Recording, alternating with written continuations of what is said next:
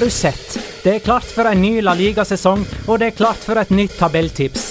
Fjorårets spådommer var spot on, bortsett fra at vi hadde feil vinner, feil lag på topp fire, feil lag på europaligaplass og bomma på hele nedrykkstrioen. Vi gjentar suksessen og avslører fasiten for sesongen 2018-2019.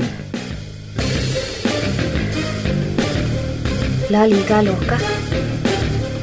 En litt gærnere fotball. Ja, da er det Hva blir det? Fire-fem dager til eh, sesongstart i eh, Spania. Vi spiller inn på en eh, mandagskveld, og det er sesongstart på fredag. Og i løpet av denne timen her så skal vi altså sette opp vårt tabelltips for kommende sesong. Det er jeg, Magna Kvalvik. Hei. Og du, Jonas Giæver. Hei. Dobardan. Og du, Petter Wæland. Hei. Buenos dias. Der går det. Jo da, alt bra. Litt uh, hektisk uh, inn i studio i dag, men uh, ellers, ellers Ja, for det er jo en ny Champions League-sesong på gang òg, ikke det? Ja. Og, så, og der, der, jobber dere med Viasat og skal sikkert ut og reise og lage mye sprell. Og så er det en uh, supercupkamp eh, rett rundt hjørnet. Ja, jeg har med koffert. Setter meg på flyet til Tallinn tirsdag morgen. Og du da, Jonas, skal du til Tallinn nå, eller? Nei, jeg skal, eh, jeg skal i studio, jeg. Og det er heldigvis uh, par, uh, par busstopp uh, eller T-banestopp unna meg. Så jeg slipper, slipper, å dra til Estland. Heldigvis, egentlig. eller nei, det hadde vært gøy å dra til Estland, faktisk. Tror du du hadde likt det? Jeg hadde nok likt det. Hvem er det som spiller i supercupfinalen? Det er vel et, er det et engelsk lag mot et tysk, kanskje? Uh, ja I den grad Det er vel verken engelskmenn eller tyskere nesten på, på de to lagene. Tony Cross er vel den eneste Ja, og så er det vel noen som vil mene i at uh, Gareth Bale er brite, men uh, det um, Nei da, det er Han er jo det. Ja, det er, men det er Real Madrid mot Atletico Madrid. Ja.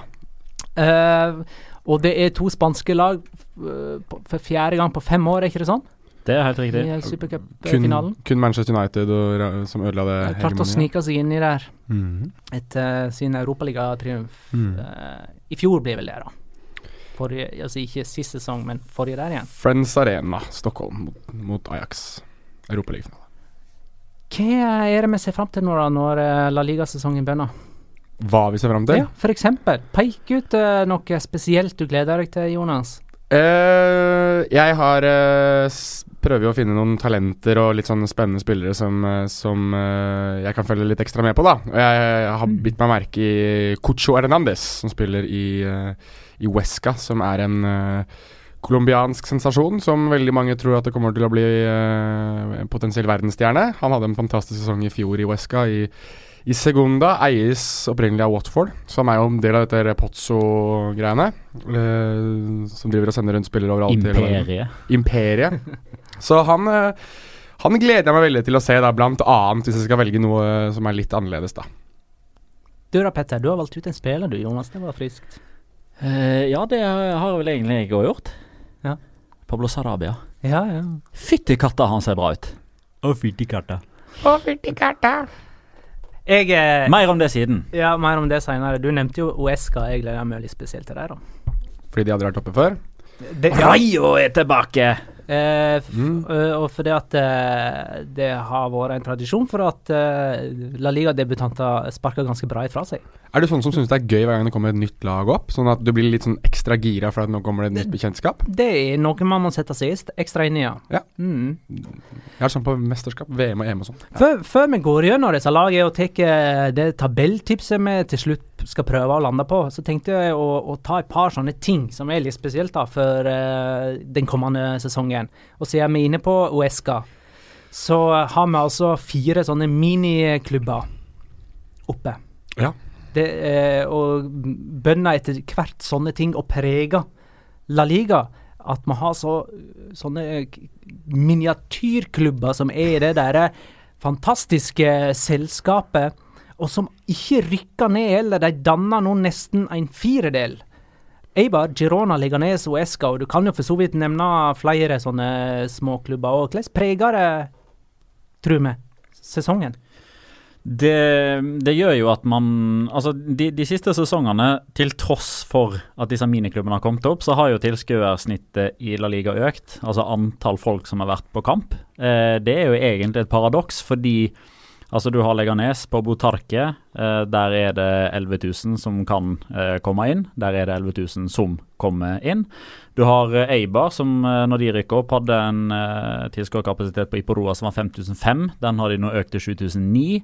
Eh, Girona på Montelivi er vel òg på en sånn 10 000-11 000. Der er det stappa fullt hver gang.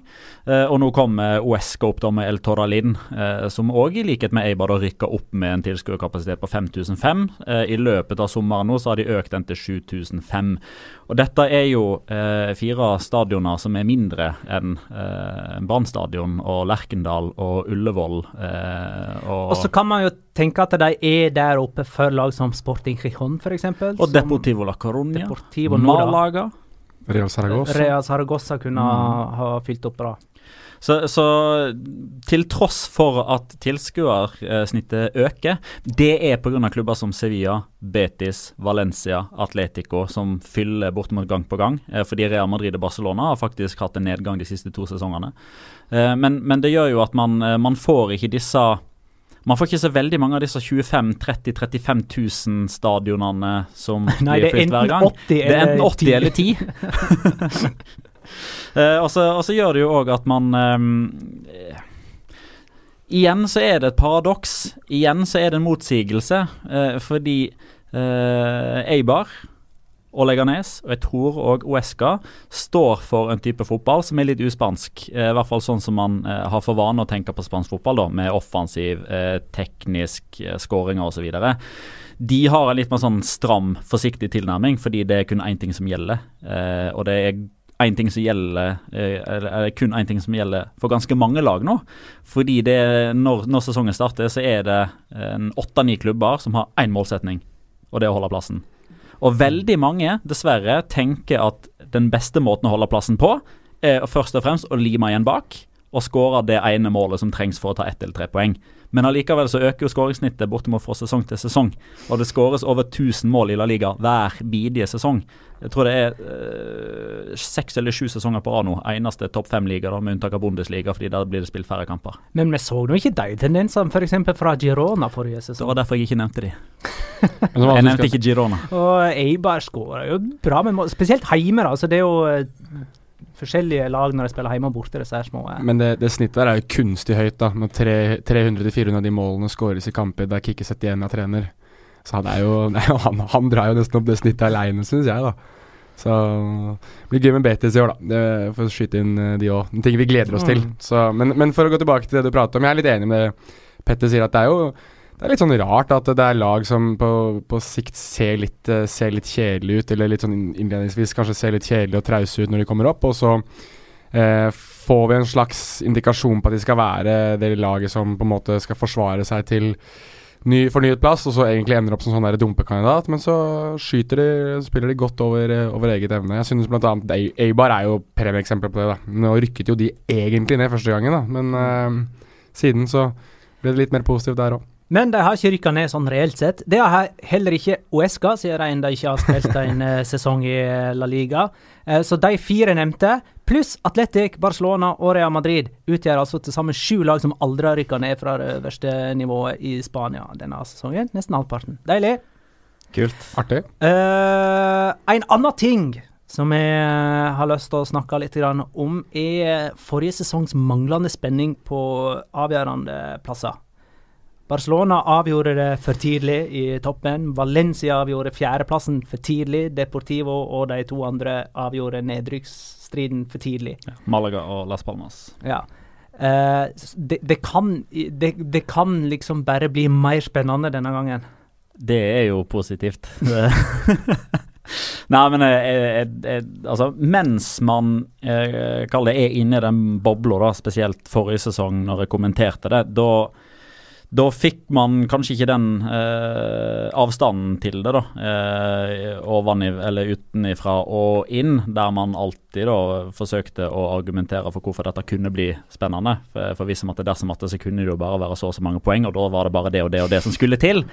Men sånn, Um, sånn satt vi vel her i, i studio. òg. Ja, ja, ja, ja absolutt. Um, så uh, det kan man jo nesten garantere. da Mer spenning i alle bauger og kanter. Det var jo jeg, Det var jo kun denne syvendeplassen, Europa League, hvem som skulle få null sommerferie, uh, som, uh, som var spennende. Mens jeg er inne på, eh, mens jeg er inne på smålag, da. eh, og Nei, nå har vi egentlig forlatt det, men Ja, nå men er jeg vi tilbake bare, dit. ja, Ja, for, er bare, bare veldig fort, for jeg, jeg vet ikke om vi har det sånn i, de, denne episoden her også, at hvis det kommer en bekreftet overgang, så lager vi uh, jo, det er vi vel. Ja, men da kan du ta den. Su! Så kan Petter si hvilken overgang det er. Leganes, det var den du tenkte på? Er riktig? Ja, Leganes har kjøpt den 23 år gamle angriperen José Manuel Arnaiz fra Barcelona sitt B-lag. Mm. For, for 23 år, sa du? for uh, ny klubbrekord. 6,5 millioner euro, som snart igjen blir slått når Josef Enesri blir bekrefta. Ah. Eh, Alaves? Nei, det var Leganes. Leganes kjøpte Leganes, han, ja. Okay. Mm. Ja, men det er greit. En siste ting. 5,5 millioner euro, sorry. En siste ting. Eh, videodømming. Ja! Det fikk vi å se nå i Supercupen. Vi gjorde det. Eh, og for så vidt basert på det, så kan vi jo prøve å svare hvordan på hvordan kommer det til å fungere, eh, og hvordan kan det prege La Liga-sesongen. Eh, Mel uten eh, aviser. La oss se vekk fra avisen. Nei, da mer rettferdighet, som i alle andre tilfeller. Jeg tror at det, det er jo mange TV-program i Spania som uh, sikkert er litt sånn nedfor nå, for at de kan ikke ta Eller kan jo selvfølgelig de kommer til å gjøre det, men, Det kan de. men uh, det blir jo ikke like gøy å se alt sammen på video en gang til i alle programmer i Spania nå som du faktisk kan ha det underveis i kampen nå. Men eh, det gjør jo det at det blir jo enda mer diskusjon, enda mer kontrovers rundt hva en dommer har bestemt seg for, ikke bestemt seg for, basert på at han nå i tillegg også da har de videobildene han kan se på. Det erfarte vi under VM, med disse hensene. Definitivt. eh, Matteo Laos dømte hens mot Danmark, var det vel? I Ja. Australia-kampen. Det stemmer, stemmer bra, det. Og, og det blir jo interessant da å se hvordan veldig mange veldig Altså, jeg kan ikke komme på en liga må Gjerne rette meg hvis dere husker på det, men jeg kan ikke komme på en liga der det er flere dommere som virker uh, veldig, veldig sånn æresfulle og nesten litt sånn litt for uh, Uh, lite tolerante da, enn en i Spania. At det er, det er veldig de som skal være litt i sentrum under, under situasjoner innimellom. Uh, og det å måtte da ha en tredjepart som kan vise at de egentlig hadde feil. Eh, jeg lurer på hvor mye de kommer til å ta, ta seg inn av det, da, hvis, hvis dere skjønner hva jeg skal fram til. At de kommer til å endre på sine avgjørelser. De er litt for stolte til å gå tilbake Ja, på det. det var sikkert det begrepet jeg skulle fram til. Eh, at det, det, hvordan vil den spanske stoltheten spille inn her, da? Og disse barndomsproblemene har vel kanskje Serie A opplevd nå det siste året? Jeg har ikke sett så mye av, eh, av dette fungere i, eh, i Italia, men, men det har jo vært rapporter om at eh, de situasjonene der videodømming har gått inn og blitt brukt, så er det vel noe sånn som 95% eller noe sånt, og der den riktige avgjørelsen har blitt fattet til slutt. Ja, det er en kjempestatistikk. Ja, det var et eller annet sånt, og det var en ekstrem resultat, sånn Ja prosentresultat på det. Det var rett før sesongslutt. For øvrig, når det gjelder hens og sånt, så, så handler det fortsatt egentlig om at mm, 99% av folk som bryr seg om fotball, enda ikke kan hens-reglene, meg sjøl inkludert.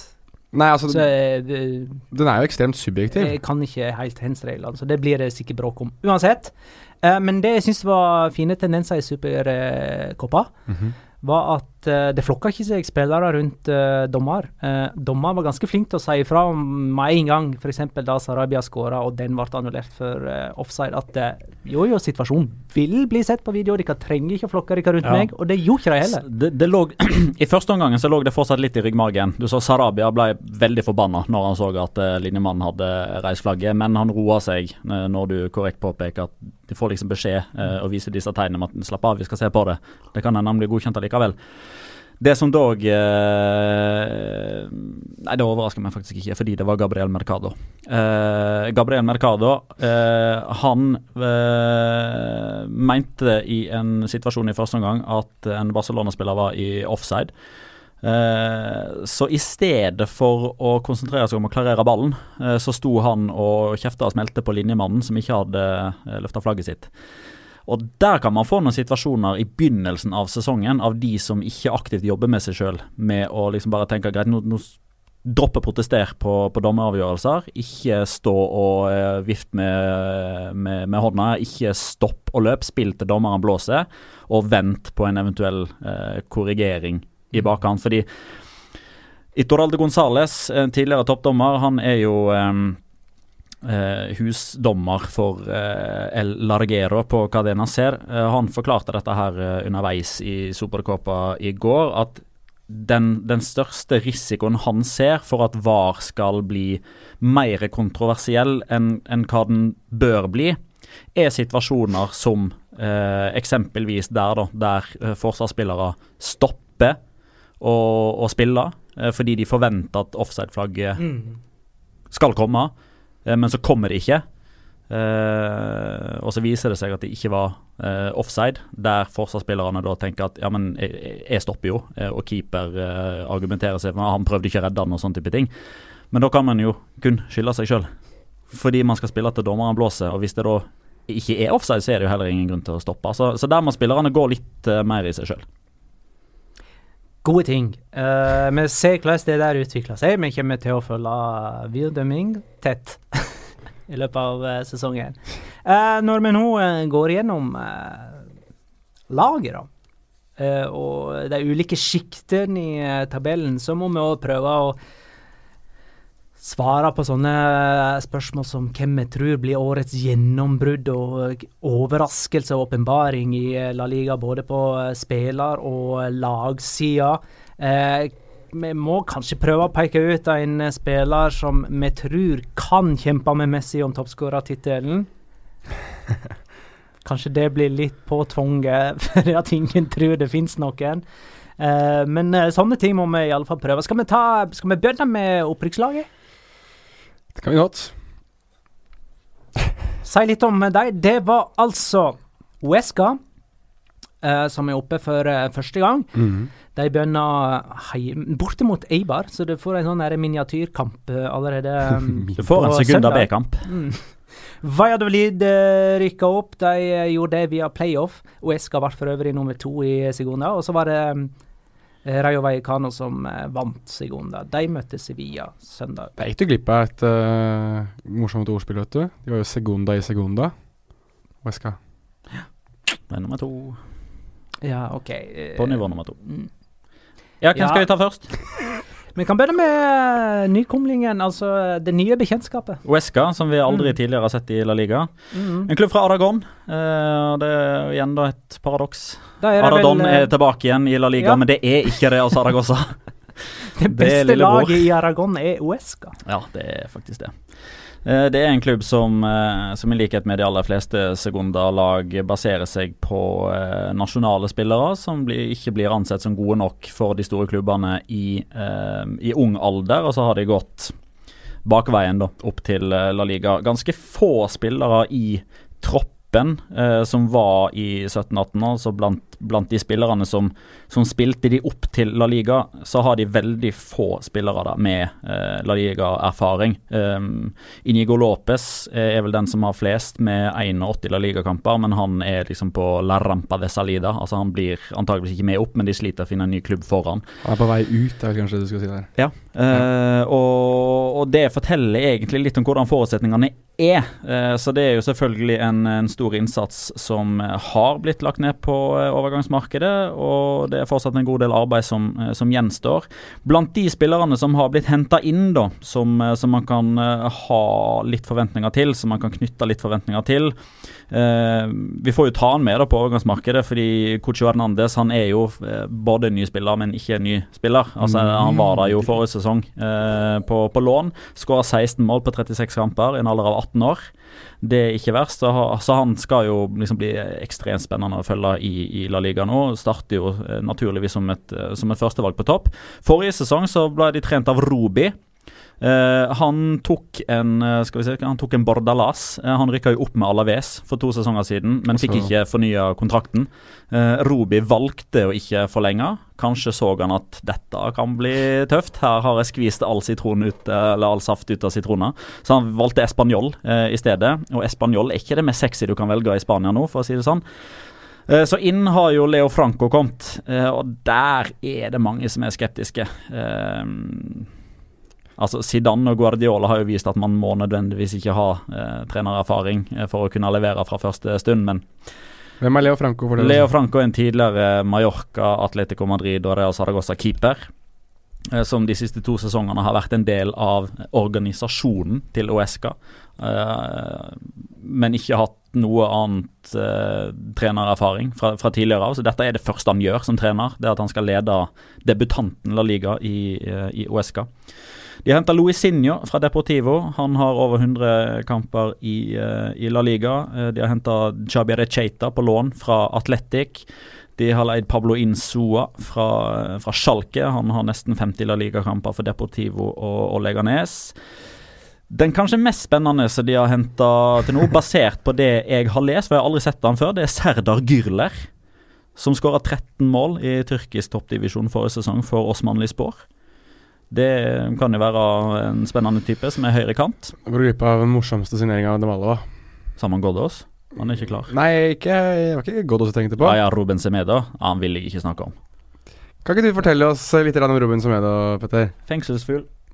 Ja, på lån fra Villarreal. Da mannen som eh, ja, Hvis du går tilbake en ti episoder, så finner du vel den, det, det mest eh, ja, grusom, mest, mest grusomme scenarioet en fotballspiller kan sette seg selv i. Uh, Ruben Semedo med både kidnapping og pistol og det som er. Uh, men jeg kan jo uansett komme med noe litt morsom informasjon da om er sånn Wesca. At Villarreal har prøvd å kaste han etter andre klubber, ikke det? Altså, Ja. prøve Prøver desperat å bli kvitt fyren, men nå har de fått lånt han ut i det minste. Ja.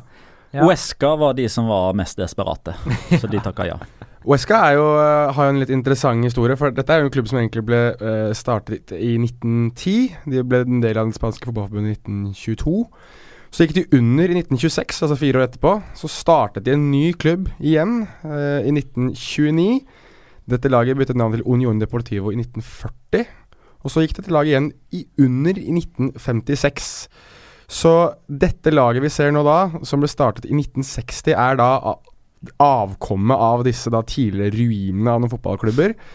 Uh, så dette her er uh, Det er nesten litt sånn at du, du på mange måter tenker at hvis ikke de gjør det bra nå, så går de under igjen. Uh, men ja, historien vil jo ha det til at de nesten er 60 år gamle nå i sin current iteration. Valladolid er oppe for første gang siden 13-14-sesongen. Det ble noen år utafor det gjeveste selskapet. De, de rykker altså opp via playoff. Eh, hvis vi skal kalle dem en miniklubb, så har vi et nytt sånn miniatyroppgjør eh, allerede på fredag. De møter Girona borte. Voldsomt de småklubbene skal møte hverandre i første serierunde. Ja, men Valladolid er jo den, den klart største av de Ja. miniklubbene. De har jo eh, La De har La Liga-historikk. Det Sergio. Gonzales eh, er treneren deres. Han, han hadde i en liten periode.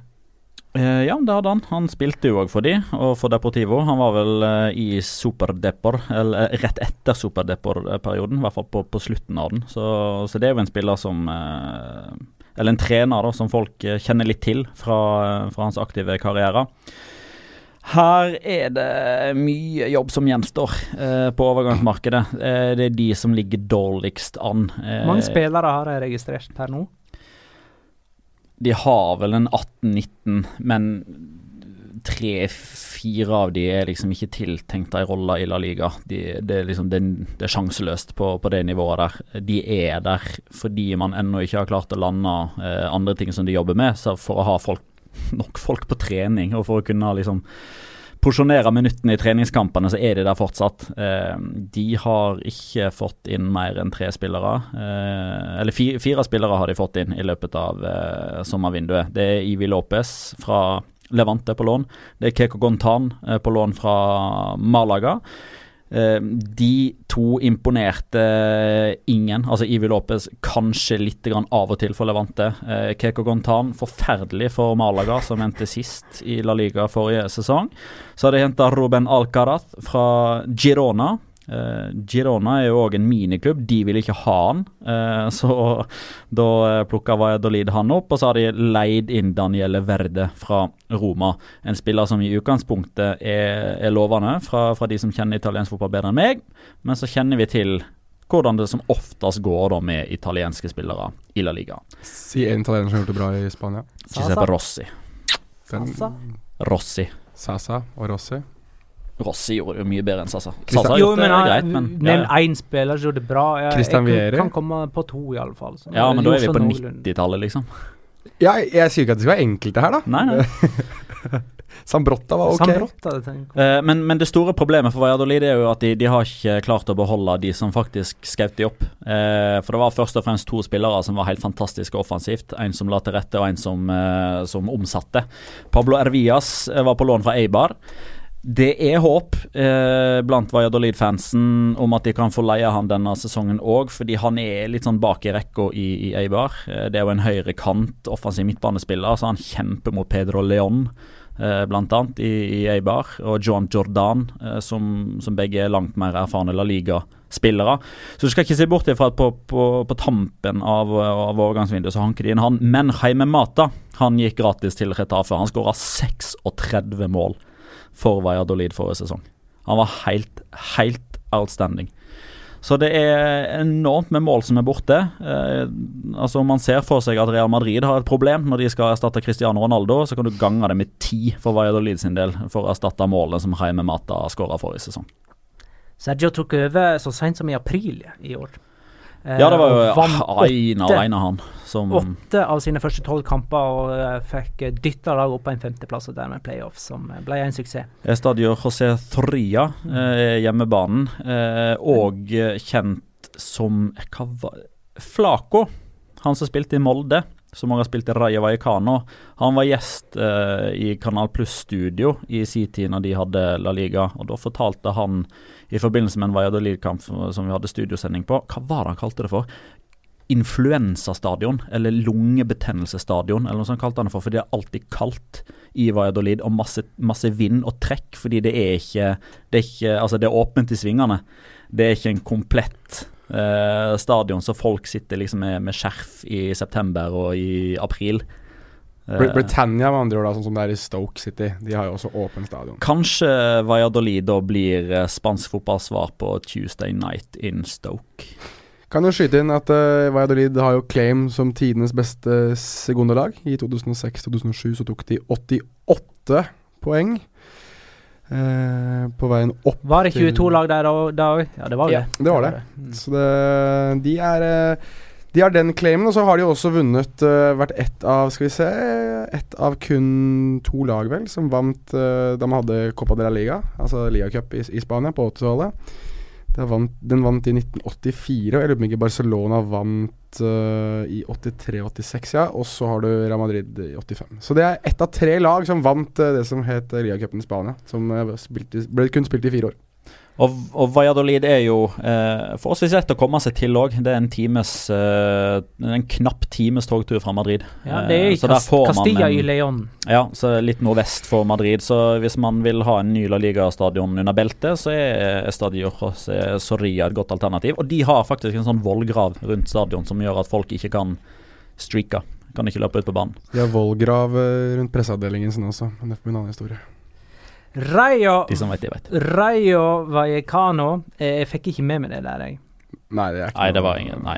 piss og møkk. Eh, det blir en interessant kamp faktisk eh, i første serierunde på Vallecas når Rayo Vallecano får besøk av Sevilla. Søndag klokka 20.15. Det er ikke et eh, Rayo med Paco Gemes dette, for de som eh, trodde det, og som ikke klarer å skille Rayo og Paco Gemes fra hverandre. Nei, det er en enda deiligere trener enn Paco Helmes denne gangen. Det er Mitchell, men ikke den Mitchell. Men uh, her, er det, her er det jo bare venta på at uh, Mitchell får fyken, og så er det Mitchell som er førstevalget, og så er det Paco Reme som får jobben. Ah, Men det kan hende de er like fargerike uten eh, Paco Hemes, da. Um, så jeg fant ut, selv om de var vinnere av Segunda forrige sesong, så var det bare tre lag på øvre halvdel som hadde flere baklengs enn de, Mm. og de skåra nest flest av alle. Det er Tilbake jo- til to sesonger ned. Det er jo typisk greia. Det er jo klassisk greia. Ja. Men uh, det kan hende at man kjører litt strammere defensiv struktur uh, i år, da. Jeg tror ikke vi skal ha en forventning om at målforskjellen i La Liga ser ut som den pleide å gjøre for Rayo. Eh, 78-93 type. noe sånt. Og uavgjortresultater var ubrukelige, så hvis de hadde 1-1 med fem minutter igjen, så pumpa de alt fram. Og det, det er ikke den engang. Altså, Nei, det er ett Paco ikke sitert på. Ett poeng, ingenting å samle på. Ett poeng er mer, mer tap enn seier, fordi det er nærmere null enn tre poeng. Eh, men de har jo mista noen solide, disse òg. Ja, det har de. Eh, Fran Beltran eh, trigga utkjøpsklausulen sin og mm. gikk til Celta Vigo for et par uker siden. Det kom som eh, et, eh, et kne i ballene, sa Rayo-president Raúl Martin Presa. Det er det du er bra igjen. Eh, ja vel. Fortsett. Eh, Emiliano Armenteros uh, er jo den spilleren forrige sesong, sammen med Manucho, som hadde mest La i troppen. Uh, Antonio Amaya var nummer tre, så alle de tre er borte. Eh, men samtidig så har de jo klart å, eh, å beholde eksempelvis Javi Gerra, som har mye erfaring. Las Bangora skal etter sigende være med opp. De har henta Tito tilbake fra Leganes. Eh, Jordi Amat, som var ganske bra på lån til Betis forrige sesong, har signert en fireårskontrakt, så hans Swansea-eventyr, eventuelt Swansea-tragedie, er over. Um, nå nylig så ble det bekreftet at Alvaro Medran blir leid inn fra Valencia. Jeg regner med at det kan komme en Real Madrid-spiller eller to her. Uh, Raúl de Tomas er jo liksom den, den store Han var jo den store helten i opprykket. Han skåra 24 mål på 32 kamper for uh, Rayo Vallecano forrige sesong. Så her òg gjenstår det en, en god del arbeid. Og så må vi jo selvfølgelig ikke glemme Bippe Stankelbein, som uh, har kommet fra Han har kommet fra Tigres. Tigres. Hvem er dette? Lu Luis Advincola fra Peru, som har da offisielt eller uoffisielt blitt målt som verdens raskeste fotballspiller. Som eh, har eh, to, to speeds. Det er fort og fortere. Han løper rett fram og rett fram og tilbake igjen. Altså, han løper hele tiden. Og her må vi jo da ta med i betraktningen at vi kan få, vi kan få noen eh, potensielt stygge scener her, fordi bak det ene målet så er det fortsatt en vegg eh, i Vallecas. Eh, han kan Det kan fort vise seg at han dundrer rett inn i veggen der, fordi Alvaro Odriozola, som tidligere òg har blitt referert som til Bippe Stankelbein, han kunne jo bare hoppe over et par reklameskilt, og så var liksom faren over. Ja. Hvis vi skal slå disse tre lagene her sammen med de andre bitte små som allerede er der fra før, Eibar, Girona og Leganes, da har vi et par nedrykkslag, eller? Er det noe som kommer til å slå ekstra godt ifra seg av de nyopprykka? Eh, det er et veldig veldig godt spørsmål. Jeg tror at uh, Jeg tror at Valladolid går rett ned. Jeg uh, synes ikke det er uh, Altså, Hvis vi ser på det de har gjort på overgangsvinduet, da, og det de har mista, så er det Det er liksom ingenting der som, som jeg synes er um, Når vi snakker nå, da, altså 13. august, det er jo fortsatt noen uker igjen i overgangsvinduet, men Og dette er min store Ja da, jeg vet det. Ja. at du synes at det er så grusomt at de skal sette opp en Sette opp et uh, league prediction og ikke vi har alle overgangene ennå. Men jeg synes uansett at uh, hvis vi skal se på det nå, status quo nå, så, så synes jeg at de um, de ser dårlig ut. De ser ordentlig uh, nakne ut. Så jeg, jeg nominerer de allerede nå til å rykke ned. Uh, jeg tror at Wesca er det laget som, uh, som kan slå best fra seg, faktisk. Jeg vet ikke, jeg, Det er et eller annet med dem som jeg synes virker um, Virker litt solid, og så er det litt det, det Dette med lag som går opp første gangen. Da, det, er, det er sånn stolthet for dem å, å kunne klare å holde seg oppe. At um, Sier ikke at det er noe mindre viktig for, uh, for uh, Rayo Vallecano å klare det, men uh, Nei, et eller annet jeg syns er Jeg litt slår uh, jevnt gøy. ifra. Ja, Huesca. ja, ja. Eh, Valladolid og Rayo er på en måte De regner seg sjøl som primærklubber og føler de har mer å tape med et nytt nedrykk. Ja, så synes jeg, synes jeg at de, de, har, eh, de har veldig mye å, um, å hente i det laget de har. da Så synes jeg for at de har fått Aksel Werner i mål. da Det er en enkel erstatter for eh, Alex Remiro, vel, som, uh, som spiller i Atletic. Som mest sannsynlig blir erstatteren til Kepa uh, i, i Atletic. Enten han eller um, Jaguar Herrera. Er det nok som står. Ja, Enten eller av de to, men i hvert fall så, så de, har, de erstatter seg kjapt og godt da på de posisjonene som kanskje er viktigst på banen, bl.a. keeper. Men eh, eh, blir det nedrykk, skal vi tro, på en av de som er oppe for første gang, og som har klart å holde seg? Ja, nå eh, Nå må jo sjansene være oppbrukt, holdt jeg på å si. Nå må vi jo snart få rett i at en av dem går ned. Uh, Men Eibar virker så etablert nå. ja, nei, nei, Eibar- nei, Eibar, Eibar går ned. Eibar ved Jeg tror ikke ikke går Eibar Og jeg ned. mener både Eibar og Girona havna jo for pokker på øvre halvdel forrige sesong. Ja, men jeg er litt uroa for Girona. Eh, Ja.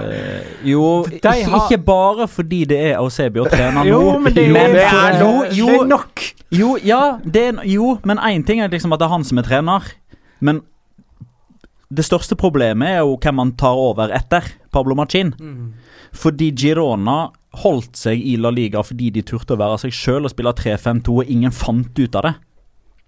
Eusebio skal spille 4-3-3 eller 4-2-3-1, sånn som han alltid gjør. Så det kommer ikke til å være noe spesielt med Girona denne sesongen. I tillegg, altså Girona er La Ligas svar på Tottenham. De har ikke henta en puck. Ingen nye spillere har kommet inn. Absolutt ingen. Det eneste de har gjort, det er å hente Johan Mohica på permanent basis. De har henta Mark Moniesa på permanent basis, og de har forlenget leieavtalen på Aleix Garcia. That's it. Riktignok, de har ikke mista noen viktige. De beholder Porto, kan det se ut som, selv om eh, eksempelvis Sevilla ligger med Mangler jo én, da. En viktig. Paul Maffeo er jo borte. Pablo Maffeo er borte. Og det bringer oss over på den Manchester City-linken. Fordi hvis man ikke Altså Hvis man følger OK med og har fått med seg eh, at Girona har blitt en del av City Football Group, eh, og at de liksom har eh, tette bånd til Manchester City og alt det der, så er det lett å, å se på La Liga-tabellen og si ja, tiendeplass, ja, har sikkert eh, fått noen gode spillere fra Manchester City, da. Pablo Maffeo var den eneste Som var god, ja. som var god. De hadde Aleix Garcia, som på slutten av sesongen tok noen steg som gjør at de velger å satse videre, men Douglas Luiz, eh, Marlos Moreno og Larry Cayode spilte nesten ingenting. Eh, for alt jeg vet, mot, mot slutten av vinduet her, når eh, Pep eh, ser på stallen sin og ser at eh, han der eh, kommer ikke til å få spille så mye, så hva med at vi sender han til Girona eller Utrecht eller hvem svarte svingene som er i denne Melbourne eller hva det er for noe. Så kan det hende at de kan få noen, noen, spennende spillere, men det Douglas Louise, eksempel. Nei. Eh, som sagt, han var jo ikke noe god i det hele tatt. Nei da, jeg vet det. Men han får ikke Det er Line Patrick Roberts det blir skrevet om som har vært i Celtic, men Ja, han var god, det. Eh, vi må nevne at Leganes eh, etter to 17.-plasser på øverste nivå mista trener Asier Garitano, som har gått til eh, Real Sociedad. mm. -hmm. Og blitt erstatta av Mauricio Pellegrino etter eh, en fiasko, må vi vel kunne si, i Premier League som Southampton-trener. Mm. Han takla ikke tempoet. Takla ikke tempoet og fysikken. Ja. Eh, og vinden. Eh, Og vinden, ja, faktisk. Og kampprogrammet. vinden. Ja, det var, vinden du sa. Altså, Ja, vind. Det blåser veldig. Ja. Og regnet.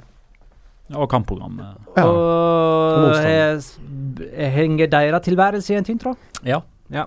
Jeg tror vi bare sier det sånn, jeg. Og så går vi inn i uh, midtsjiktet. Der vi, for vi summerer opp tabellen etter hvert. Uh, Español, Alaves, Getafe og Levante har jeg liksom plassert som midtsjiktklubber. Eh, noe som betyr at jeg har ganske mange klubber i sjiktet over der igjen. Vet, hvis du eh, søker opp i den spanske ordboka for ordet middelmådig, vet du hva det er bilde av da? Eh, Espanol? Ja.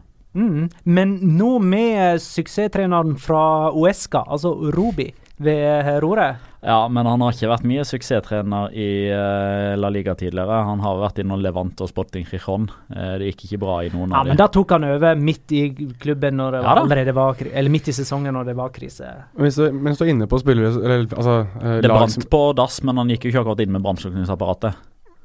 Han gikk inn med fyrstikker. Men lag som ikke har gjort noen ting, da. De har ikke gjort så veldig mye i Spania, har de det? De mista Gerard Moreno. Ja, og henta Borja Iglesias som erstatter. Det er ganske mye å miste eh, Moreno, da. Mange av disse klubbene som vi snakker om nå, de har mista mål, i sine fra Ja. forrige sesong. Men de har som regel gått til andre klubber i Spania. Ja, ja. Så det er jo Målene forsvinner jo ikke fra Spania. Nei, det er liksom, nei, nei, altså Gerard Moreno sine mål går fra Español til Villarreal, og eh, Real Saragossa sine mål går da til Español fordi de har henta Borja Iglesias. Så Altså at målene går inn Ja, til Spania. ja. Snakker med middelmådighet i år òg, eller? Nei, jeg er heller mot at uh, nå er det slutt. Jøss. Da tror jeg, Det Petter har tror jeg blir min uh, brannfakkel. Girona og Español Har du klart å lure understrekningen? Kanskje sammen med Leganes? Ja, i hvert fall at de nærmer seg. Begynner å forme seg en, tabell her nå. Ja, jeg er ikke, jeg kan ikke si meg uenig i det her, altså. Men uh, de har jo fått et nytt uh, type slagord, uh, eller en sånn hva skal jeg si, hashtag, som de dyrker nå, Espanol-fansen. Darderismo. Fordi Sergi Darder, eh, som spilte på lån forrige sesong, som nå har blitt henta permanent for igjen, rekordhøye, 8 millioner euro. Han eh, sa jo like så godt at eh, han så ikke noe som helst grunn til at Espanol ikke skulle, kunne vinne alle kampene denne sesongen. Så Espanol-fansen, selvfølgelig med litt sånn galgenhumor og litt eh, ironi, går jo rundt nå og synger og skriver på Twitter at de skal bli seriemestere med 38 seire på 38 kamper. Hashtag darderismo. Hm. Ellers har vi altså i dette sjiktet som jeg har gruppert ut av Alaves, eh, der Gudetti vel er permanent nå. Ja. Monir El Adadi er tilbake i Barcelona. Mhm. De var jo fargerike. Eh, Det var en klubb som løfta seg voldsomt etter at Abelardo tok over forrige sesong. Det så skikkelig ræva ut før det. De møter Barcelona på kamp nå, de, i første runde. Kvart over ti lørdag kveld. Skal de stå passio da, eller? I og med at Barcelona vant Supercoppa det Ja, det spørs Det Men nå, nå var jo ikke Alaves med i den uh, turneringen, da, så da gjelder ikke det. Jo, for hvis de hadde vunnet Copa del Rey, så Jo, hadde de spilt den. Men var ikke det Da, da kunne vel Real Madrid ha gjort det samme, ettersom de hadde vært Ja, det var poenget mitt. OK. Eh, Getafe. Åttendeplass forrige sesong. De har, må jo ha bidratt til at uh, publikumssnittet har gått opp, for de har plutselig dobla publikumsantallet sitt. Det er jo plutselig folk der. Det, er det var, eller Mhm. dobla De har, de har gått fra tomt til Det, folk. er- altså Hvis du eh, ganger på- noe med null, så Så- det er vanskelig.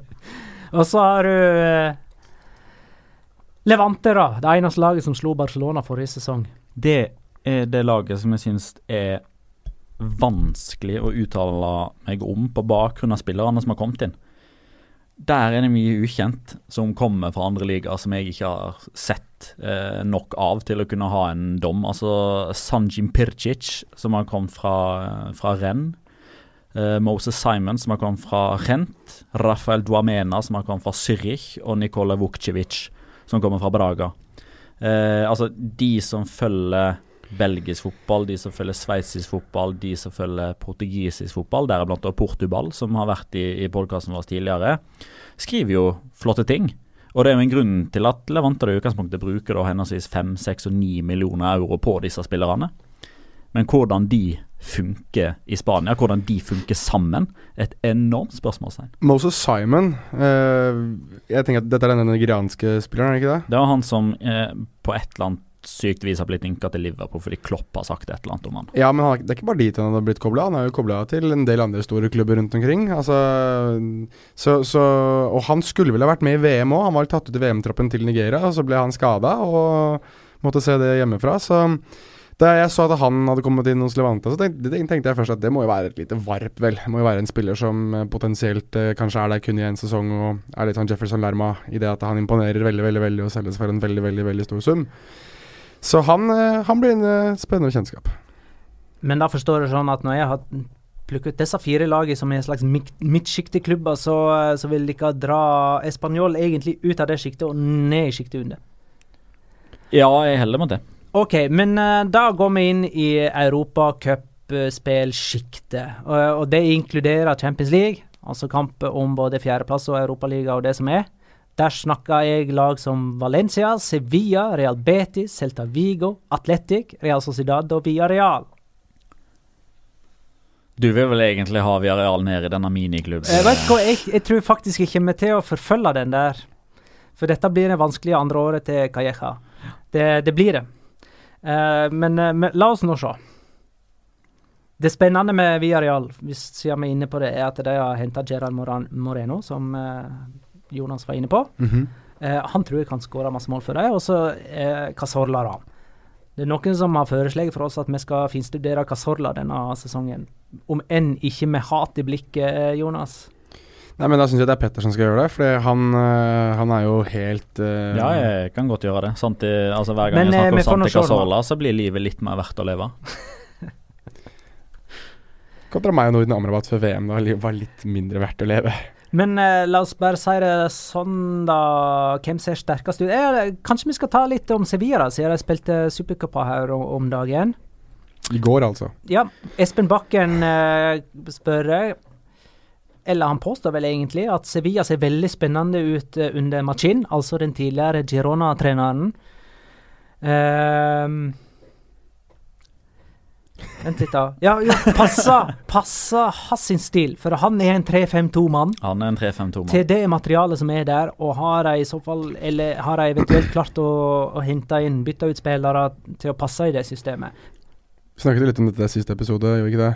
Eh, hvem som skal spille hvor, og hvordan det hele kommer til å se ut. Og Altså Jeg synes jo av, av de spillerne han har hentet inn, da så er det jo spesielt noen som Alej Vidal da er jo en åpenbar systemspiller da som hentes inn. Wingback. Ja, Mm. altså, det er jo, altså det er jo åpenbart uh, at han skal ha mer bredde i, i banespill og ha flere spillere i sentrale posisjoner. Jeg synes jo det er litt uh, eh, interessant at det er sånn som eh, Ibrahim Amadou, da, eh, har jeg fått høre at kan spille både sentral midtbane, defensiv midtbane og til nøds midtstopper. Eh, mens Joris Åh, gud, hvordan sier jeg det? Er?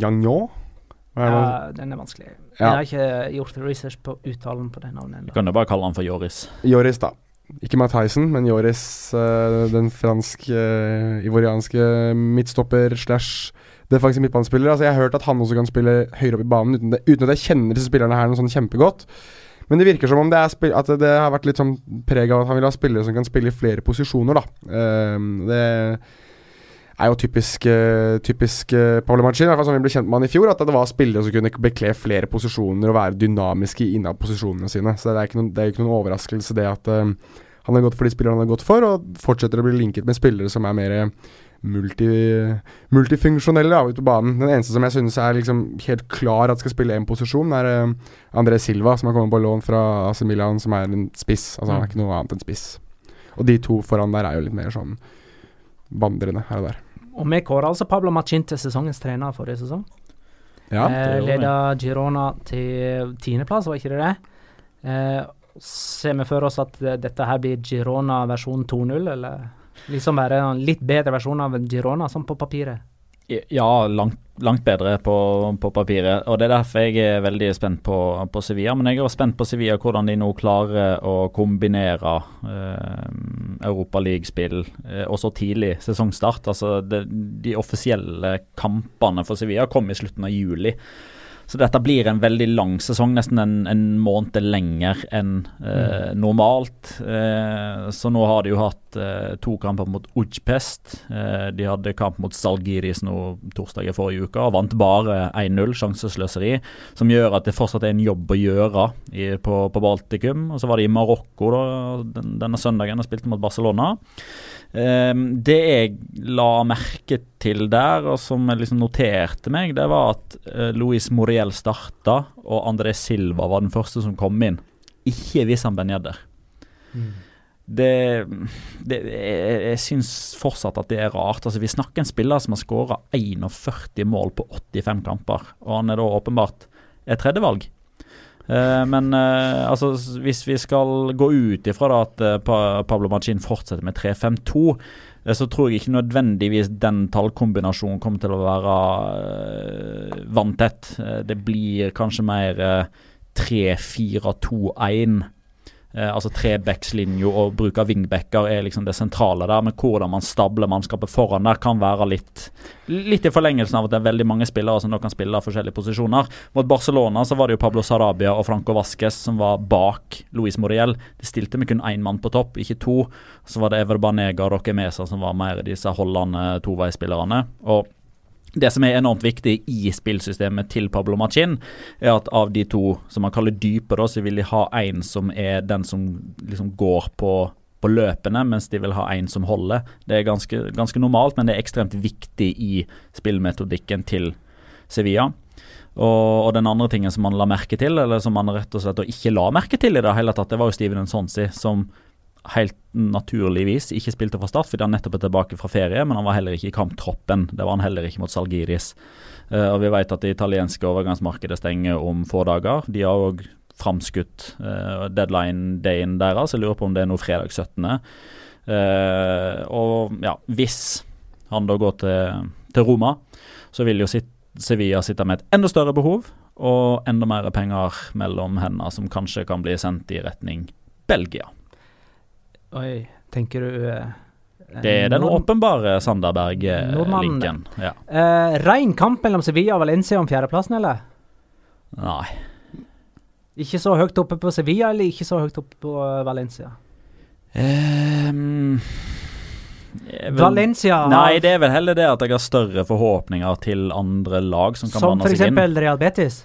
Nei. Det tror jeg faktisk ikke. Ja, Via Real? Ja. Ja, riktig. Det var det også. Eh, Valencia møter jo Atletico Madrid der i første serierunde. Mandag klokka 20. Det blir en sein innspilling her eh, på oss. Vi må nesten få med oss den kampen før vi går i studio. Synes som Real Sociedad, da. Eh, bare nevne at Bachuay har signert eh, for eh, Valencia. Og Gameiro. Ja, vår 95 gikk jo inn. Mm. Ja, Så da er det altså Bachuay, Gameiro, Rodrigo og Mina. Og Sasa. Enn så lenge. Og så så kommer GDs og så kommer Gedes Og så kommer snart GDs. Så uh, Valencia bønner å få eh, ting på stell er i alle fall uh, angrepsrekke. Der er det min brann. Champions League å ta hensyn til i året, Ja, så det er det greit det nok er... å ha to par uh, spisser, altså. Min brannfakkel kommer der. På Valencia. Ja, OK, når vi tar selve tabellen, Mm. mener du. Mm. Real Betis. Uh, garnityr knaus. Real Betis spiller bedre angrepsfotball enn Liverpool. Hva har de gjort riktig med så begrensa midler? Kikkesett igjen. Jeg, jeg skulle til å si det! Bra, Potte.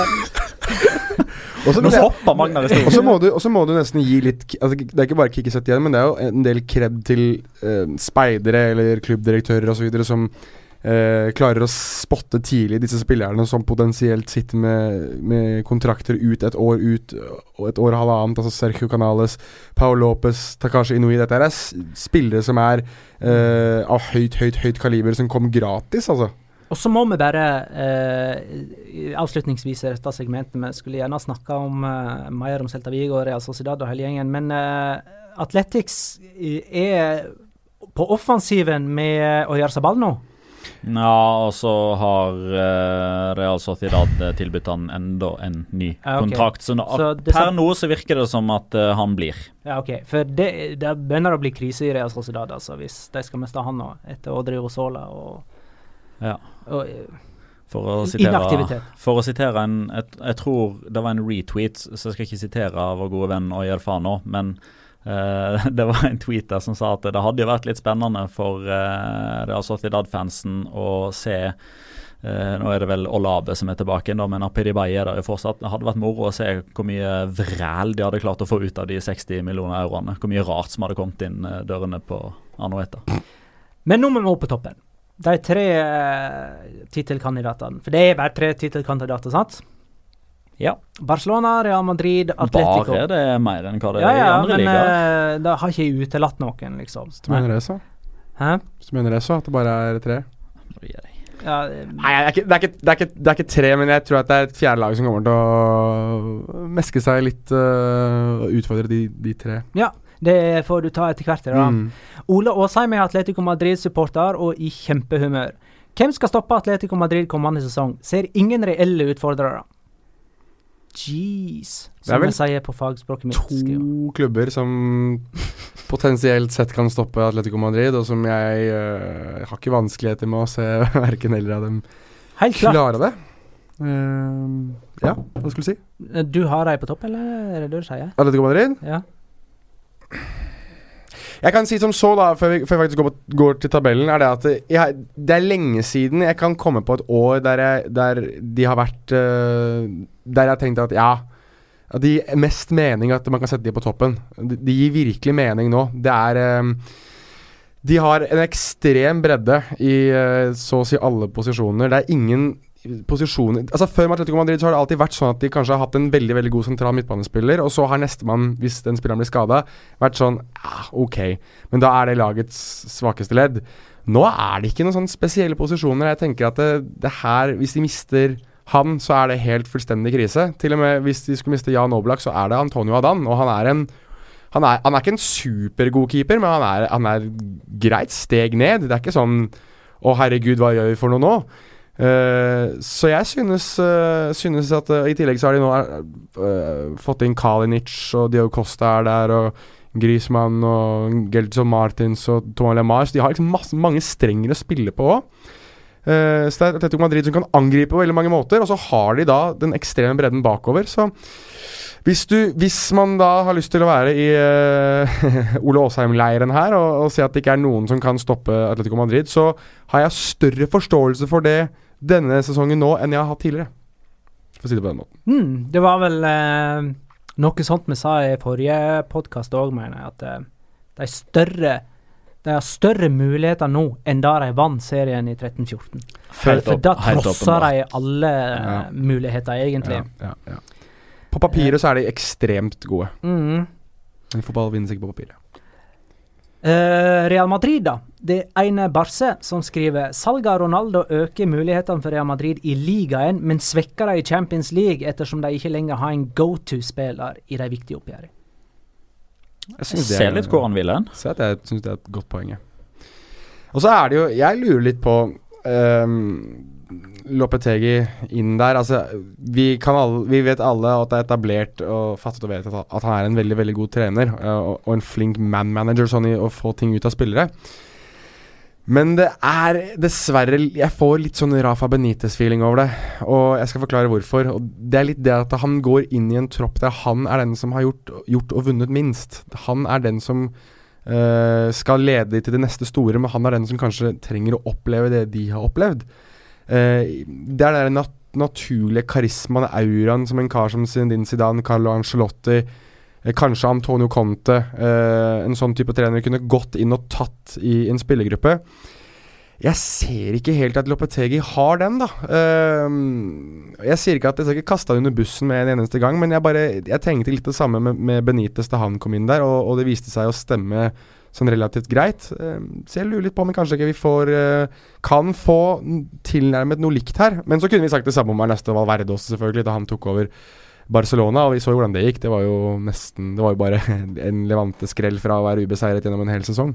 Så um, det kan gå begge veier, men jeg, jeg har ikke en god feeling med Lopetegi, jeg skal være helt ærlig der. Og så er det veldig typisk, da, at han blir sparket fra Spania eh, to dager før VM, og så går det ordentlig skeis i Real Madrid òg. Ruben Brannfjell spør hvordan tror vi at resten av Spania vil reagere på Real Madrid neste sesong med tanke på trenerbråket? Altså Vil man få noe av det motsatte som skjedde med Iniesta da han ble helt etter VM i 2010 som matchvinner i finalen, mens Lopetegi var den som på en måte valgte Real Madrid og dermed skapte kaos i VM 2018?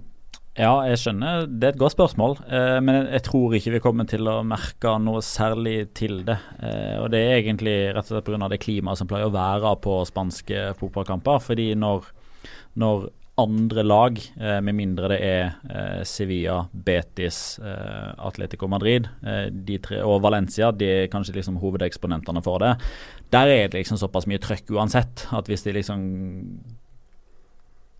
bruker 1-2 mer, så legger man liksom ikke merke til det. Der er det liksom sterke mishagnsytringer og sånn uansett, fordi man liker ikke Real Madrid. Og, og, der er det infernalsk stemning nesten uansett hvem som er på besøk. De er vant til dette. Ja, eh, og eh, når de møter Uesca eh, og Eibar og disse her, da er det ofte 50-50 på stadion. For altså, Real Madrid har en så stor appell i Spania. Det er veldig mange som har altså Real Sociedad kjørte jo en sånn der eh, John Tenko Segundo Equipo. Altså, jeg har ikke lag nummer to. De hadde en fantastisk video med masse sånn half and half-skjerf med United og Barca-drakt eh, sånn sydd sammen. og liksom.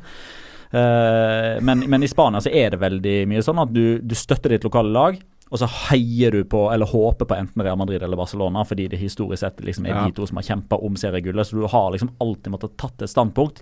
Så det er veldig ofte du ser veldig mange Real Madrid og eller Barcelona-drakter når de to lagene er på besøk, selv om de, de spiller på bortebane. Uh, så der vil jo liksom typ, Halve stadion vil jo at Real Madrid skal vinne i utgangspunktet, mens resten av stadion det er liksom det er så få, fordi tilskuerkapasiteten som vi var inne på, er 12 000, 13 000, 8000, 20 500. Så der vil det liksom ikke være noe effekt. Så Jeg vet ikke om det er godt nok svar på spørsmålet, men jeg, jeg tror ikke man kommer til å liksom tenke at den Ja, høsten 2018, husker dere det, eller når uh, Loppetegi ble bua på? Det tror jeg ikke. Kan jo være at du får en sånn, der pro, sånn eh, protest da på Vajakas. Det hadde vært litt gøy. Hvis de hadde gjort et eller annet, funnet på et eller annet gøy, de der eh, gærne sporterne deres. Kanskje vi får se noe til Bernt og Erling igjen. Ja, Men Kanskje. kanskje de kutter alle strømkabler, sånn at uh, flomlyset går. Hei. Uh, fjorårets serievinner, forrige sesongs serievinner, Ja. Barcelona har kjøpt spillere for 1,3 milliarder. De har for øvrig solgt for 670 millioner, så det er så 630 millioner netto. Inn og ut, altså. Dette er kroner. Ja, det er det. 630 millioner kroner inn i minus. Uh, det er bare uh, Altså, Atletico Madrid har brukt mer netto enn uh, Barcelona. Bare sånn det er sagt. Men er Barcelona bedre eller svakere, eller status quo?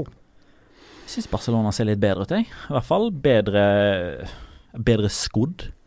Altså, jeg syns de har gjort eh, en god del bra på overgangsmarkedet nå. Altså, I fjor så var det jo Ja. forbundet med, med kaos og desperasjon etter å ha fått Neymar og, og sånne type ting. Altså, Hvis man ser på det de har henta nå, da. Arthur Melo syns jeg ser spennende ut. Clement Longlet var, ble bare bedre og bedre i Sevilla-drakta. Han har La Liga-erfaring. Fikk Det riktignok et par uh, leietunneler på seg mot gamle lagkamerater i går. Det er, det Eh, er kuppet, tror jeg, hittil. ja. Uh, Malcolm tror jeg kan være veldig fint å ha som andre valg bak uh, Osman Dembélé. Arturo Vidal tar Paulinho-rollen, som var veldig viktig i Barcelona under Valverde forrige sesong. Og så ser man jo da Dembélé som nå på mange måter framstår som en ny signering. Eh, og litt det samme tenker rundt Coutinho òg, fordi nå er ikke den tilvenningsperioden der. Nå er ikke unnskyldningene og forklaringene der. Nå skal han inn og prestere. Nå skal han inn og være forsøksvis Iniesta. Samtidig så er de kvitt litt sånn daukjøtt. André Gomez er borte, Alish Vidal er borte, Luca Dign er borte. Det er generelt høyere nivå på treningene, føler jeg. Eh, og når man da i tillegg har liksom det utgangspunktet man har, da, med at man har vunnet sju av ti De har hegemoniet i, eh, i La Liga. Det er sjelden de går på de der blemmene som man ikke helt klarer å forklare, sånn som Real Madrid av og til gjør. Så, så for min del så, så framstår Barcelona som favoritter. Håkon lurer på om eh, de kommer til å gå tilbake til 4-3-3 nå, eller står Valverde på 4-4-2-en sin? Spilte 4-3-3 mot Sevilla. Gjorde Mm. det? Det gjorde de. Det Men eh, svaret, ja. de kommer nok til å være litt pragmatiske, tenker jeg. Altså typ Bortimot Atletico Madrid så ser du fort 4-4-2 med Vidal som eh, i hermetegn kant. Altså type Mm. Arturo Vidal. Ikke Aleix? Nei, glem det. Skal vi og- Ja, eh, vi må ikke glemme Messi. Altså Han spiller der? Hvem? Han øh, Kommer han til å skåre liksom 40 mål denne sesongen, eller får han kanskje en reell toppskårer, utfordrer i La Liga? Gareth Bale må vel være den som da i så fall blir utfordreren. Um, Du veit at uh, med Real Madrid nå så har du Bale, Benzema, Venicius og Ascencio. BBOVA. Men nå er det jo ikke de altså. som sponser Nei, nå er det jo Det Santander. er jo Santan La Liga Santander. Den blir litt verre. Nei, men du, Sergio Ascend. det hadde jo vært litt kult hvis, eh, hvis de gjør det bra, de, de fire, og så får du da forskjellen på, på, La, på Marca, Mm. La Liga BBOVA. Det hadde vært litt kult. Ja. Men eh, nei, nei, jeg tror, eh, jeg tror Gareth Bale er den Så lenge han holder seg skadefri, det er jo det store visset. Uh, hvis Gareth Bale klarer å holde seg skadefri, så er det han som kommer til å utfordre Lionel Messi, tror jeg. Um, Ellers så tror jeg utfordreren kommer fra egen klubb, Luis Suárez. Jeg tror uh, dette er siste sesongen uh, hvor han kommer til å være helt der oppe. Jeg tror Ha! Han så uh, Det er en påstand jeg skal huske. Jeg skal skrive det. Ja, men han, han, han, han Jonas, så 13. sånn- august eh, 18. Han så Eh, ferdig ut, altså, Luis i. Suárez siste sesong på toppnivå Nei, ikke på toppnivå, men altså, i, i det verdensklassesjiktet. i dette sjiktet. Men da Ja, kan du det kan skrive dette her eh, for min del, da, at eh, 2018-2019 blir den første sesongen siden 2007-2008 der toppskåreren skårer færre enn 30. Ja, OK, det må vi òg skrive. Fordi, eh, altså etter å ha sett Messi i går Altså, han er jo han er quarterback, han nå. Han ligger mellom stopperne og strør baller, han. Det er greit. Han kommer til å slå så mange målgivende Ja, pasninger til eh, fy Dembélé, til Suárez, til. Alba, til, ja, til alle. Vi må ta tabell. Uh. Bjørn nederst nå, da. Ta det dramaturgisk. Skal Begynne begynne nederst? Ja, Nedrykkslag. Tre nedrykkslag. Dette har dere snakket om på forhånd, sånn at dere har det klart før dere og er enige. Ja, jeg kan, er vi enige om Valladolid? Jeg kan si meg enig i Valladolid. Ja, Valladolid. Kan ikke du notere ned Jo, jeg skal gjøre det. Ok, bra. Valladolid rett ned. Ja. Um, jeg er litt usikker på om jeg vil ha uh, Altså, jeg vil ha Español på en 18.-plass. For å bare skille For ikke ha sånn kjedelig uh, etter budsjettvariant. Jeg tror Español blir den store skuffelsen. De blir typ Deportivo Malaga, en storklubb som går ned. Der ser du Magnus Garung, den store skuffelsen. Nei, det var ikke du som spurte om det. Men han Det hører, ingen, det var men han hører som nok på, spurte om så der, ser, der nå hører du Magnus. Da hører du Magnus. Da har Magnus 19.-plassen, å da. For min del så blir det Uesca eller Leganes. Men har ikke du Girona der nede, da? Nei, jeg bare Typ i De kommer til å kjempe mot nedrykk. De, kom, de, kom, de kommer på 17.-16.-plass, liksom. 16. pla- ja, 17.-plassen de, da. Eller nei, 16.-plassen. Eh, 17 og 19 er enten Uesca eller Leganes. Vi må bli enige om det. Jeg, jeg, jeg sier Leganes. Ja, jeg sier Uesca holder seg, og så går Leganes ned. Ok, Ja, men Da er det to mot én. Ja, da er det Español, Leganes og Men Valladolid. jeg vil ha det loggført at jeg er uenig. Josef Nesser går rett ned med to klubber. Da. Det er Ikke sant? sånn det skal være, det. Nabil sa jo Leganes vet du selv nå. Uh, Mista Amrabat. Rett ned. Ja, Ja, sånn nei, jeg er enig. Ok, rett Leganes 19. Ja, du er enig nå? Ja. Da skal jeg Ja, fjerne ja. loggføringen. Ja, fjern loggføringa. Mhm. Altså uten Amrabat, så dette skipet her går jo på grunn. Ja, Ok, da, er vi i sjiktet for de som holder seg med nød og neppe. Det- ja. Denne gangen blir det spennende der nede. Ja, det må det jo bli. Ja, vi- siste serien. Ja. vi hadde nummer 17 også. Vi hadde, 17 har vi også satt opp nå. 17 Girona. Ja, riktig. Og 16 da Uesca. Ja. Eller vil du ha de høyere? Nei, nei, vi kan godt ta de der. Ja. Det funker for, det funker for meg. Funker for meg. Har du dobla dosen? Nei, nei, nei, nei, nei, sorry, nei, nei. sorry. Er det 15 Herregud. Er det 15. plass nå, da? Det som vi er på? Alaves. Åh, jeg, altså jeg har så Egentlig så hadde jeg lyst til å ha de ned på nedrykk, men det er, det er faktisk lag der som jeg synes er verre. Um, Ja, og det toget er jo godt nå uansett. det har det. Men jeg, jeg synes at Alaves er Jeg tror de kommer til å hente noe på topp der som gjør at de kommer til å holde seg, holde seg og da kan jeg være med de på 15.-plass. Men jeg går ikke høyere enn 15 på dem, altså. Nei, men der, der kommer det jo en spiss inn. Eh, men det er jo litt sånn typ, Blir det Monir eller hadde de får de han en sesong til? Blir det Borja Majoral? Eh, blir det en fra Serie A eller en fra Premier League? Eller? Men nå syns jeg vi har Raja Vallecano lovlig, nesten ulovlig høyt. Da blir det 14, da. Ja. 13 Levante. Jeg kan si meg enig der. 12 Her kommer det Her tror jeg det kommer eh, en Retafe. Har du, de, vil, vil du ha de høyere? har du helt Jeg vil ha Hetafe litt høyere, men jeg Ok, tror Eibar, da. På 12? Vi har nesten ikke snakka om de. Ja, ja. hva har de henta for noe? Er det, er det noe veldig spennende vi har gått glipp av der? Eibar er Eh, Eibar. eh, har ikke henta noe som kan defineres som spennende for uh, utenforstående. Magnar kommer jo nå til å Kommer nå til å slå hardt i bordet med at de skal opp én posisjon høyere enn i fjor. Ja, de har jo faktisk Det er et godt poeng. De har forbedra posisjonen sin seks år på rad. Men da må Det er jo helt absurd. Men da må det jo så tilfelle være Nei, topp åtte men nå, nå- da, for de nå- ble jo nummer ni forrige Ja, sesong. men det skjer ikke nå. Nei. Er det nummer 12, da? Eibar nå. Eh, 12. Eibar Ja, 12. Ja. Greit. 11. Retafe der, da? Eller vil du ha det i øvre halvdel igjen? Far eh, må nesten eh, belage Ja, altså Hvilket lag er det man Ja, har, men da? hvem vil du ha på 11., da? Da må en av de som vi hadde i Europacup-potten Men det er jo vår, En av de må- en av de må Ja, det er skuffe. altså Zidad kan skuffe. Jeg tror ikke de skuffer så mye. Celta Eh, Vigo kan skuffe. Han Ja. veit vi lite om, han eh, Mohammed.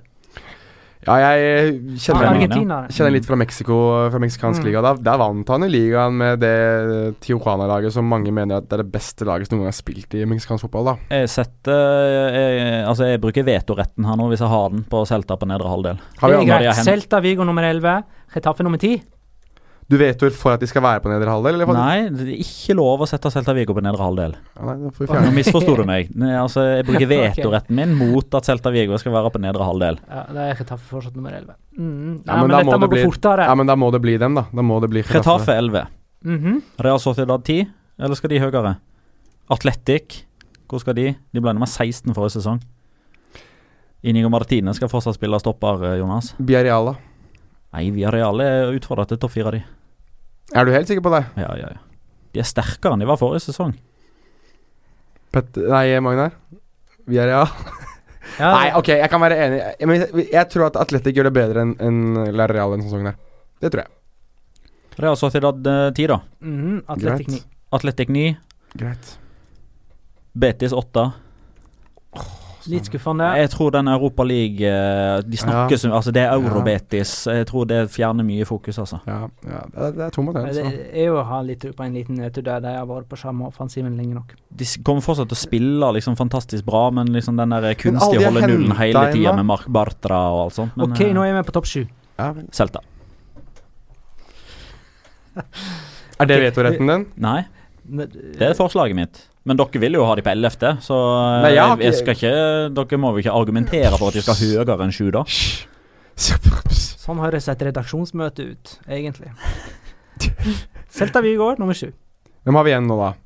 Da har vi igjen Valencia og Sevilla det- og Villarreal. Eh, Atletico, Barcelona, Real Madrid. Ja.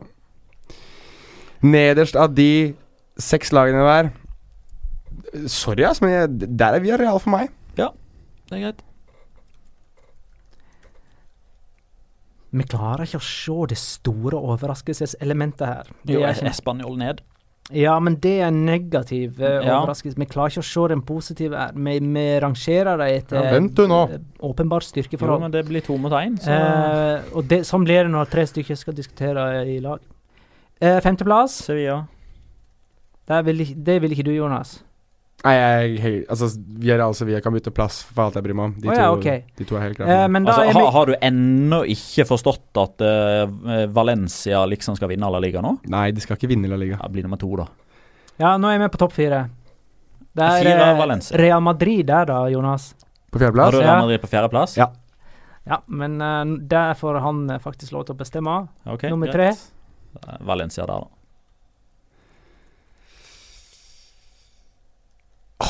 Jeg har lyst til å ta det på andreplass. Men uh, Nei, men Nei, skal jeg være Da kommer i så tilfelle José Castro til å få helt rett med at Michi Batshuayi kommer til å spille fire kamper i Champions League, og that's it. Da må de ut i gruppespillet, og ikke inn i noe Europa League. ja, Det jeg kan si, da, det jeg mener oppriktig talt, er at uh, jeg tror at Real Madrid kommer til å ha en litt tøff sesong nå med Lopetegi. Jeg kan, jeg kan til og med forestille meg et scenario der han ikke eh, sitter hele sesongen. Jeg tror, jeg tror at Real Madrid må finne seg selv litt igjen nå. Uh, og hva det egentlig er for noe, hva det egentlig står for. Og Det tar mer enn én sesong, og jeg tror det, det, det tar en del kjøp. Uh, og per nå, 13.8, så har de ikke de kjøpene. Derfor sier jeg at de kommer på fjerdeplass. Jeg har lyst til å flytte Valencia høyere, men jeg synes at både Atletico Madrid og Barcelona ser så fryktelig sterke ut at jeg setter Valencia på tredjeplass. Og vinneren er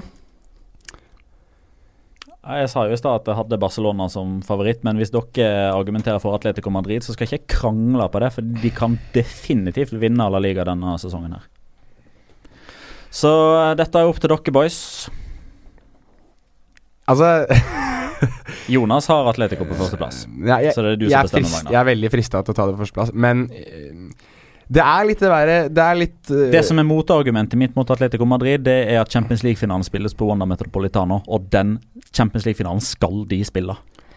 eh, Vinne, ta begge deler. Ta det dobbelt. Fra, framst, Framstår det som at vi er oppmerksomhetssøkende hvis vi setter Atletico på første og Real Madrid på fjerdeplass? Ja. ja. Skal vi prøve Jonas er Skal det, vi heller bare være tradisjonelle da, og sette Nei. Barcelona. Nei, jeg synes, jeg, synes at jeg, jeg synes at vi er mer oppmerksomhetssøkende Altså, jeg synes, synes at de tørre å mene noe annet enn det som er Vox Populi. Det synes jeg ikke er oppmerksomhetssøkende mer, hvis du kan resonnere deg fram til at det gir mening. Og jeg synes det gir mening å ha Real Madrid på en fjerdeplass og Atletico Madrid på en førsteplass. Jeg syns ikke det under noen som helst omstendigheter er eh, noe logikk i å ha Real Madrid bak Valencia. Ja, det er for så vidt var altså eh, Voss Popoli meg her og meg Ja, men ok, igjen da, hvis du, hvis du bytter Real Madrid og, og Valencia, så er det Altså, jeg, jeg bæsjer ikke buksa da, liksom. Det er ikke Jeg blir ikke kjempelei meg over det, men jeg synes er det det du pleier å gjøre når du blir lei deg? Da er det mye bæsj i buksa i så fall. Jo, Da jeg var eh, liten, så gjorde jeg helt sikkert det. Men uh, jeg, blir ikke, jeg blir ikke forbanna av det. Men jeg, jeg synes at det, det er Vi kan jo svare på spørsmålet til Gaute Brandtzæg. Undervurderer ikke folk Real Madrid veldig? Eh, jo, her i studio gjør vi det.